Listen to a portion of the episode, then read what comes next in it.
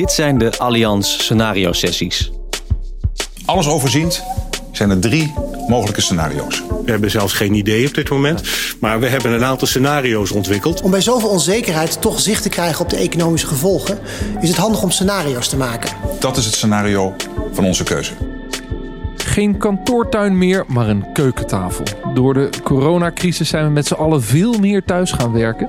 En dus laten we niet alleen de auto vaker staan, maar mijden we ook het openbaar vervoer. Al is het alleen al maar om het besmettingsgevaar. En in het nieuwe normaal laden we ook niet meer onze auto's vol voor een vakantie in Frankrijk of Italië, maar blijven we veilig thuis in Nederland. Althans op vakantie. Kortom, we zijn minder mobiel geworden en dus rijst de vraag: welke gevolgen heeft dat voor de auto-industrie en de verzekeringsconsequenties die daarbij horen natuurlijk.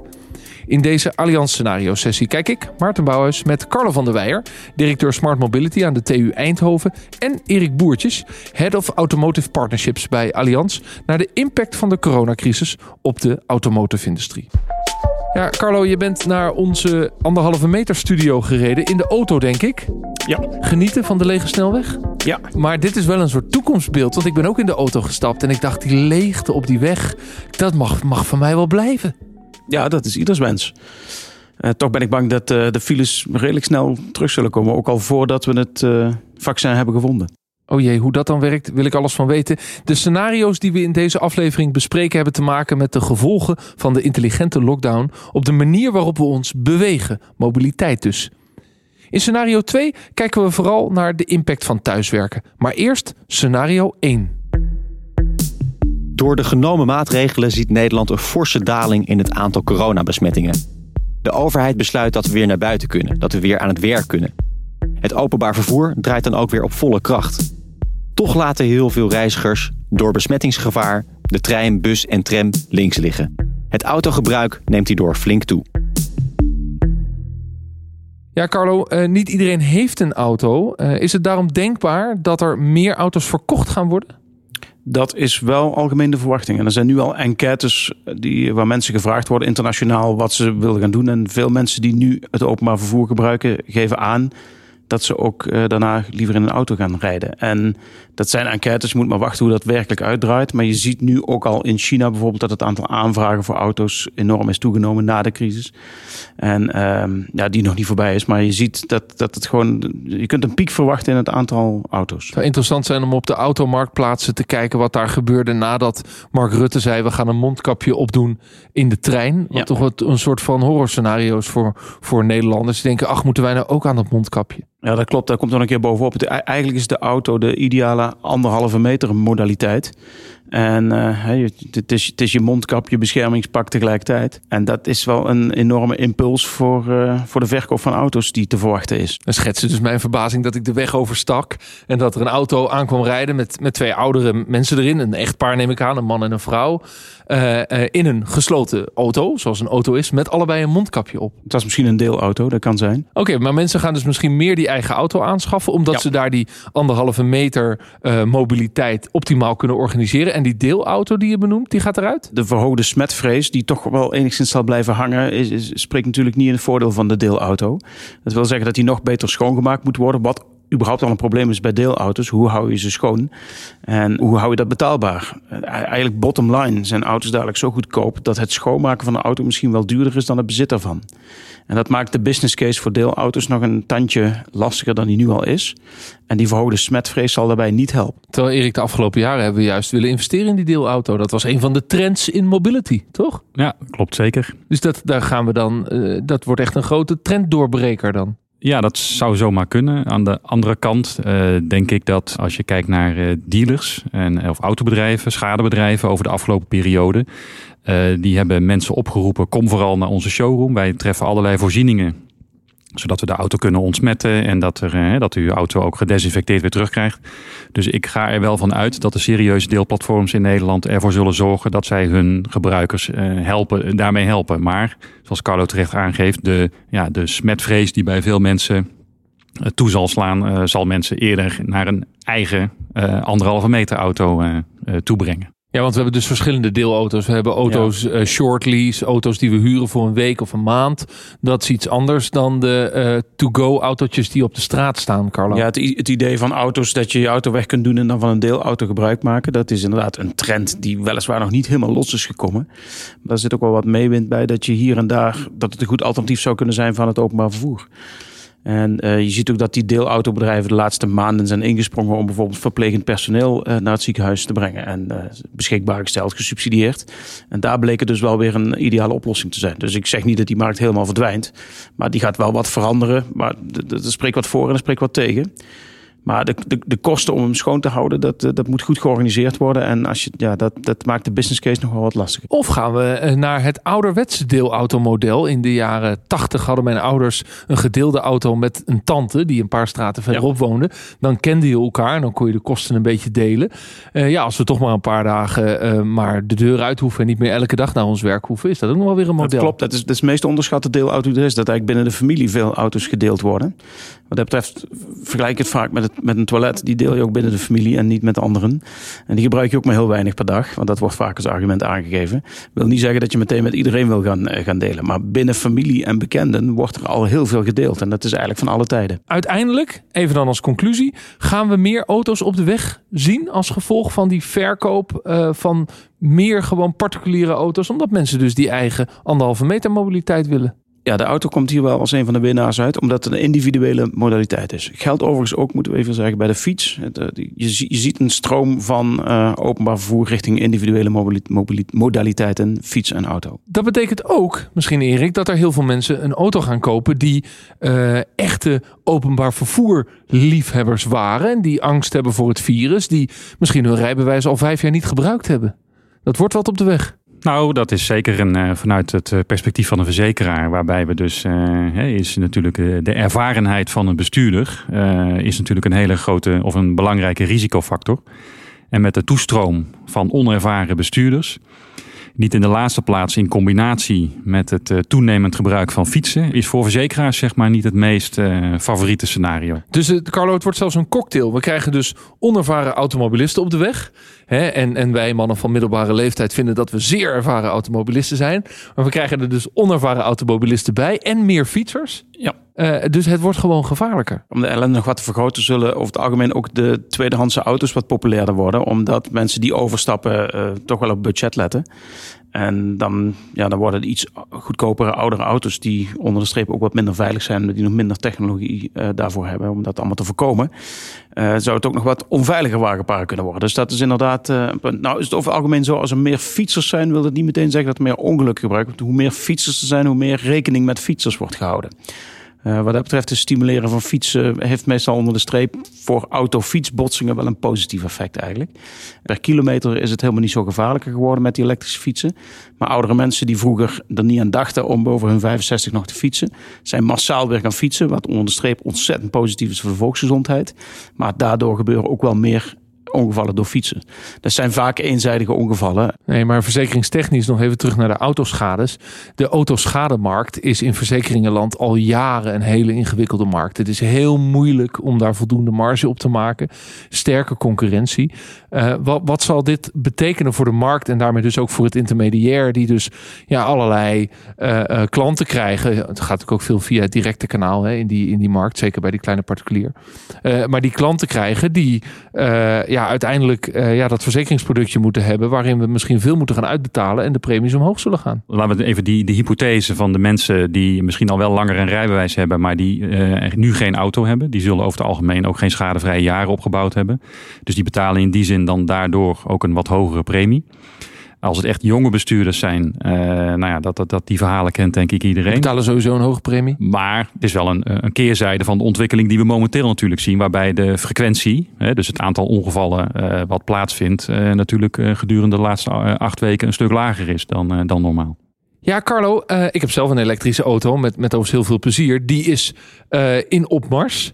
Eh, Ja. Gaat die opmars wel door? Want dat zijn wel dure auto's. Ja, dat is een hele spannende inderdaad. Want als, als er nu ook nog een, een economische crisis volgt... waardoor mensen geen dure auto's kunnen aanschaffen... nou, eh, via private lease is het meestal omdat het total cost of ownership, wat dan genoemd, dat valt wel mee. Toch, uh, ja, het zijn, het zijn, relatief dure auto's. En er wordt nu heel veel gevraagd van, is, is, geeft het nou een boost of geeft, remt dit nu? Wat denk jij? Aan twee kanten. Ik zal eerst wat, wat aspecten noemen. De brandstof wordt heel goedkoop.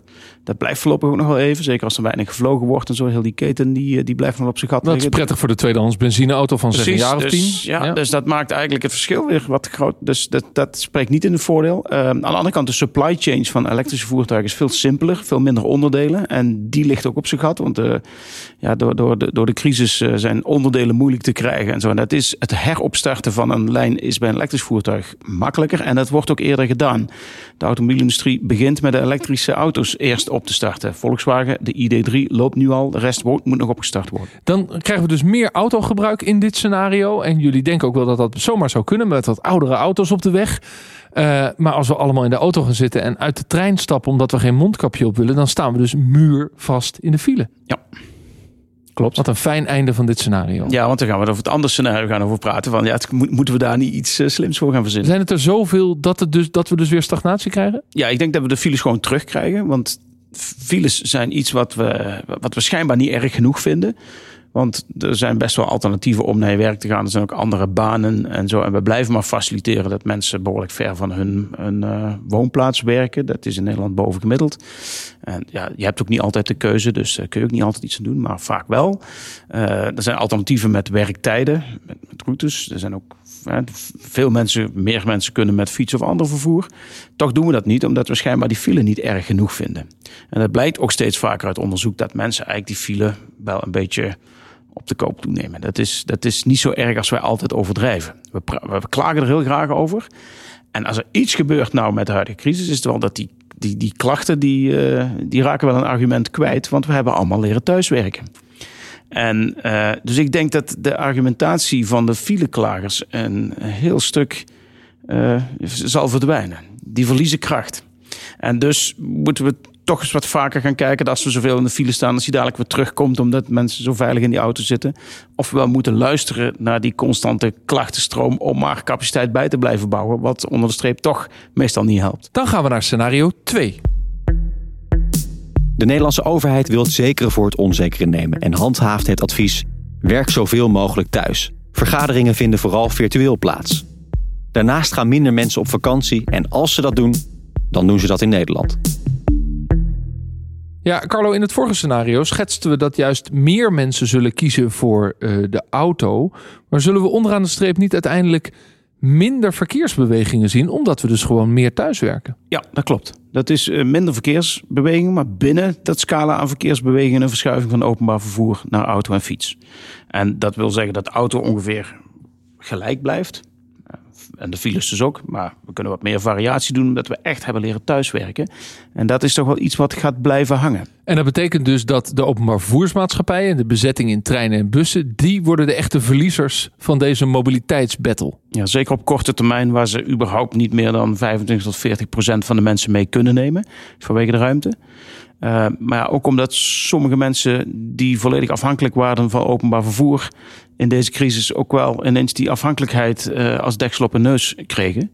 En denken van ja, dat eens maar nooit weer. Dus die, dat uh, willen ze niet meer naar terug. En het grote voordeel van auto en fiets is natuurlijk onafhankelijkheid. Ja. Je hebt hem zelf, je bepaalt wanneer je gaat en waar je gaat. Klopt. Ja, en niet iedereen kan ook, uh, ja, heeft ook de plek ervoor en zo. Nou, dat kan dan weer een andere trend hebben dat mensen bijvoorbeeld de tuin, ja, dat is weer een enorme asset gebleken op dit moment. We zijn allemaal weer naar de stad getrokken en kleiner gaan wonen.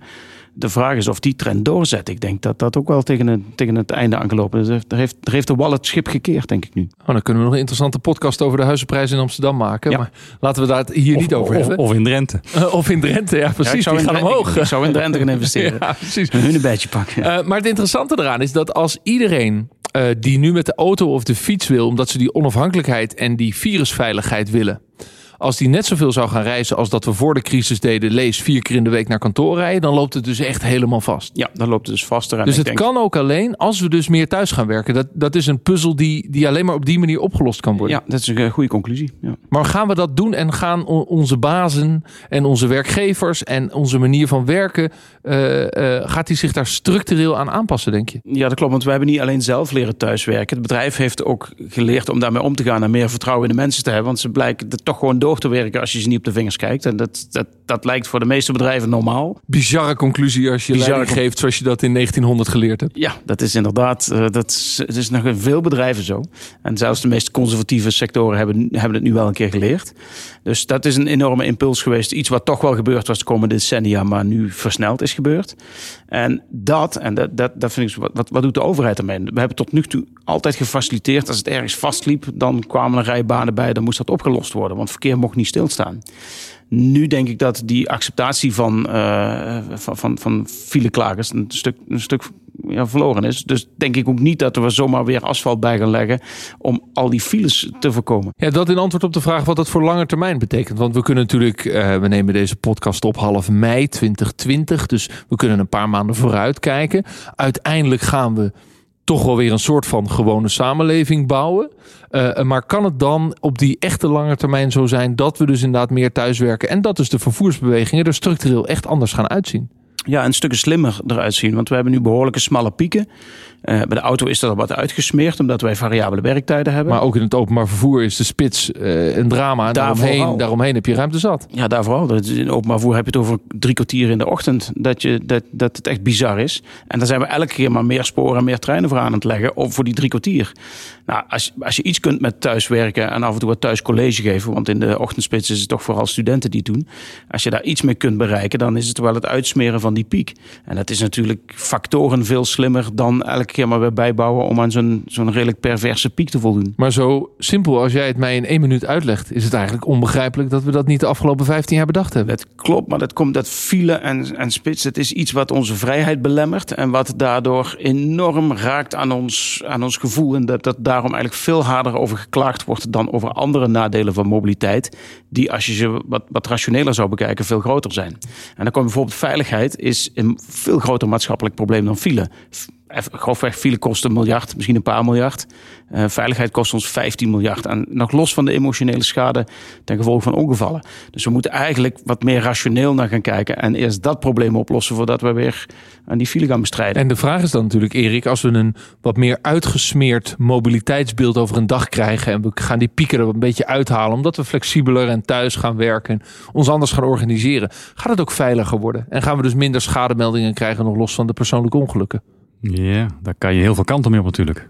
Want het voordeel voor een verzekeraar van een uh, file is dat buiten de veroorzaker van de file, als dat gewoon drukte is, uh, dan, uh, dan heb je daar dus ook geen schade. Is dat auto's die in de file staan, die kunnen in ieder geval niet hard ergens anders tegen aanrijden. Als het verkeer in principe hetzelfde blijft, het aantal vervoersbewegingen hetzelfde blijft, maar het wordt over de dag verspreid, dan heb je in principe meer risicovolle bewegingen over de dag. Het betekent dus ook dat als ik mijn uh, auto of andere vervoersmiddelen anders ga gebruiken, dat ik ze misschien überhaupt wel anders wil verzekeren, omdat ik er zo weinig in zit, misschien maar één keer per week. Gaan we daar ook naartoe in de verzekeringsbranche? Nou, dat is zeker denkbaar. Je hebt nu natuurlijk uh, in de, zeg maar in de traditionele verzekeringsproducten zoals we die al jaren voeren, hebben we natuurlijk uh, een soort van staffel in, het aantal, in de kilometrage. Uh, en die afhankelijk van de, bij ons, bij Allianz, loopt die over het algemeen uh, minder dan 10 tot, uh, tot meer dan 20. En daar zitten dan drie of vier stapjes in. Maar ik kan mij voorstellen dat daar ook producten bij komen. Daar, die, daar zijn er van een aantal van op de markt. Waarbij je per kilometer betaalt. of nog één stap verder ook rijstijl afhankelijk. dus dat de, aan de hand van de rijstijl een score wordt berekend en die invloed heeft op je premie. Dat kan ook een oplossing zijn voor die onervaren bestuurders natuurlijk. Of zelfs vervoermiddel onafhankelijk. Dus ik heb gewoon een mobiliteitsschadeverzekering. En of ik nou op mijn fiets of mijn auto stap naar mijn werk, ik ben verzekerd. Ja, ja wij hebben daar onze eerste proeven mee gedaan in uh, uh, Zwitserland en Italië, als ik het goed weet, als Allianz. Daar hebben we een, een, een mobility verzekering. En ik voorzie dat we daar ook in, ook in Nederland, dat we een ontwikkeling in die kant gaat komen. Ja. Want dat is ook een van de ontwikkelingen, Carlo, die er al langer is. Mobility as a service, zoals het ja. dan zo mooi heet. Gaan we die ontwikkeling ook in een versnelling zien in deze coronatijd? Ja, er zijn een paar tekenen die, die in die kant wijzen. Bijvoorbeeld het openbaar vervoer. Dan moet je daar gaan reserveren. Ik, ik voorzie dat wij eigenlijk net als bij Ryanair of een Uber... dat je gewoon je plek moet reserveren van tevoren. Dat, dat kunnen mensen niet begrijpen bij de trein en zo. Maar ik, ik, ik denk dat dat een veel beter systeem oplevert. Op korte termijn moet dat. Om die 40% bezetting te kunnen garanderen. Dat het niet te vol wordt in de treinen. En ik denk dat daar ook wel iets van blijft hangen. En dan heb je eigenlijk een soort van mobility as a service. Want dan ga je gewoon je plek reserveren. En als jij aankomt op een station, wat je nu ook al doet... dan weet je dat je OV-fiets klaar staat. Dat is, al, dat is al een mooie voorbode van hoe mobility as a service eruit ziet. Ziet. Uh, dus ik denk dat dat nu een impuls krijgt door het reserveringssysteem, wat bijna per definitie in het openbaar vervoer moet komen. Ja, of als, ik een wat duurder abonnement heb, staat niet mijn OV-fiets klaar, maar een klein autootje als het regent. Ja, precies. En als jij qua verzekeringsproduct dat allemaal mee kunt tellen en daar ook nog een keer je eigen auto bij, uh, bij, bij meerekent, ja, dan, dan ben je eigenlijk wat, wat slimmer bezig dan nu alles apart te verzekeren. Erik, als we gewoon kijken naar die mobiliteit, waar we het in deze podcast over hebben, uh, assurantie tussenpersonen, jullie belangrijke businesspartners, wat, wat zou een advies zijn wat zij aan hun klanten moeten geven? Als je naar particuliere klanten kijkt of naar individuele verzekeringen, is denk ik altijd, eh, ja, zul je aan klanten altijd mee moeten geven dat ze kritisch naar hun dekking kijken. bijvoorbeeld bij een, een, een, een, minder gebruik van de auto, van een onbeperkte kilometrage naar bijvoorbeeld maar 10.000 kilometer per jaar. Het punt wat we net ook aangestipt hebben. En voor uh, meer als je meer in de wagenparksfeer komt, daar zou je zeggen van ja, de, ongetwijfeld uh, zullen mensen nu eens uh, kijken naar de premie die ze betalen en, de, en de schades die ze niet gereden hebben de afgelopen periode.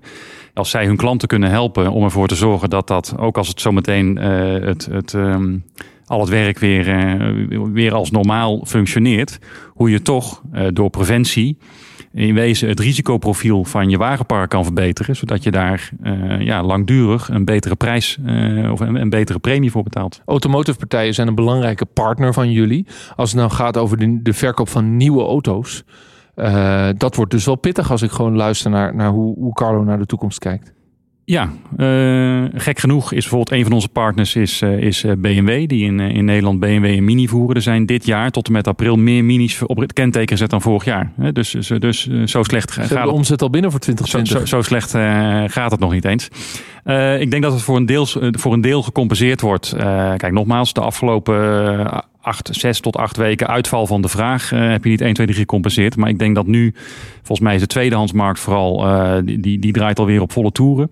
En ik denk dat een heel groot deel nieuw verkoop, uh, wat dit jaar niet plaatsvindt, gecompenseerd wordt door, uh, door jong tweedehands. En aan de leasekant, uh, ja, er zit een klein dipje. Ik geloof dat we nu op min 11% zitten ten opzichte van vorig jaar, waarbij het vorig jaar natuurlijk wel, wel heel hard ging. Dus in die zin ja, zullen we er even doorheen moeten. Dan nog een vraag daarover. Uh, de grote leasemaatschappijen hebben toen de crisis uitbrak direct even het onderhoud stilgezet van uh, veel auto's. Dat was ook een beklag van bedrijven die dat onderhoud uitvoeren, die dus direct hun omzet daarin kwijt waren.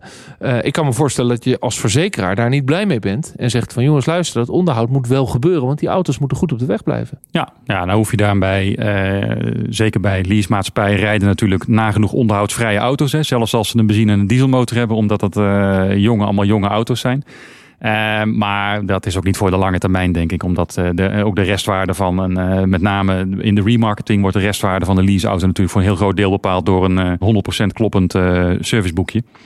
Dus ik denk niet dat dat een, een lange termijn instelling is van de, van de leasemaatschappij. Die auto's gaan deze zomer alweer naar het onderhoudsbedrijf. Absoluut. Carlo, als je kijkt naar bedrijven die actief zijn in die automotive industrie, die grote brede industrie. Wat, wat is jouw advies hoe ze, zou, hoe ze nu zouden moeten acteren op, uh, op de coronatijd en wat er op ons afkomt. Hoe, hoe het mobiliteit gaat veranderen. Allereerst wat we geleerd hebben is dat die mobiliteit veel meer is dan van A naar B rijden. Ook nu dat mensen niet van A naar B uh, uh, kunnen of hoeven willen ze wel een uur per dag mobiel zijn. Zit zo diep in onze, in, in onze biologie.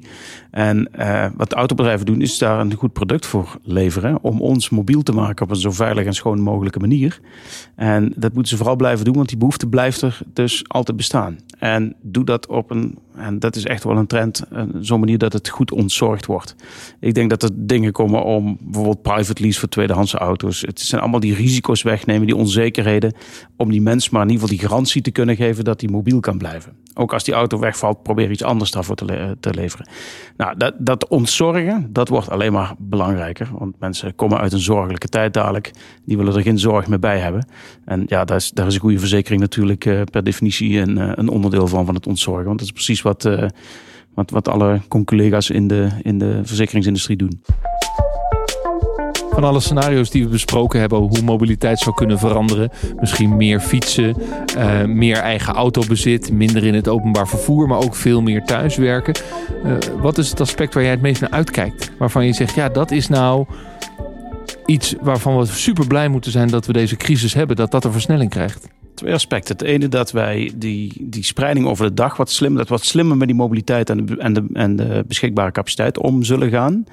door wat minder naar de klagers te luisteren over de files en het wat meer te spreiden over de dag, omdat we hebben leren thuiswerken. Dat vind ik er eentje. De andere, niet zoveel over gehad, maar wat je ook ziet, een hele mooie trend, is dat over de hele wereld op dit moment plaats wordt gemaakt in steden voor de fiets en voor de voetganger. Dus eigenlijk is de, is, is de stad de ruimte weer terug aan het winnen voor stedelijk gebruik in plaats van voor mobiliteit. En wat dat betreft, over de hele wereld beginnen de steden wat meer op Nederland te lijken, waar we dat eigenlijk al hadden. Wij hadden al behoorlijke trottoirs en fietspaden. Zie je nu over de hele wereld komen. Dat is ook mooie kennis die wij als Nederland kunnen exporteren. Maar dat vind ik een ander heel erg mooi aspect. Er worden op dit moment duizenden kilometers aan tijdelijke fietspaden neergelegd over de hele wereld. En dat is iets wat die mensen ook niet meer teruggeven. Dat vind ik die andere. En de ene, het wat zinniger gebruiken van auto's, zodat we ons ook weer kunnen gaan concentreren op het echt belangrijk is, om dat hele wagenpark veel veiliger te maken. Dat is iets waar de verzekeringsmaatschappijen ook heel actief mee bezig zijn. Ja, dat, dat vind ik twee uh, fantastische dingen. Erik Boertje, tot slot de belangrijkste boodschap aan de luisteraar van jou uh, in deze podcast. Ik ben een vurig pleitbezorger van het Two-to-Drive uh, concept. het systeem wat we in Nederland hebben voor het begeleiden van jonge bestuurders die nog niet de 18-jarige leeftijd bereikt hebben. En ik zou bijna willen zeggen, ja, laat dat niet stoppen bij de leeftijd van 18 jaar, maar blijf als ouder je kind bij wijze van spreken tot hun 21ste begeleiden. Met, zeker als ze weinig autorijden. Ik denk ik persoonlijk hele goede ervaringen mee. Tweede uh, is eigenlijk heel simpel. Een aantal praktische tips. In dit geval van, van onze collega's uit Amsterdam van Allianz Partners. Die de pechhulp in Nederland uitvoeren. We hebben natuurlijk heel veel pechgevallen in deze periode. Omdat auto's veel stilstaan. dus rij geregeld met je auto. Controleer de accu. Controleer de bandenspanning. Dus een hele praktische tip. En als laatste tip uh, zou ik willen zeggen, ondanks dat uh, de lockdown er een beetje afgaat, uh, stay safe en volg de richtlijnen van het RIVM en onze overheid. Heren, dank. Dit was de Allianz Scenario Sessie over de automotive industry en mobiliteit. Dank aan mijn gasten Carlo van der Weijer, directeur Smart Mobility aan de TU Eindhoven en Erik Boertjes, Head of Automotive Partnership bij Allianz. Wil je nu niets missen van deze podcastserie? Houd dan de website van Allianz in de gaten. www.allianz.nl Natuurlijk zijn we ook te vinden in jouw favoriete podcast app. Mijn naam is Maarten Bouwhuis. Bedankt voor het luisteren.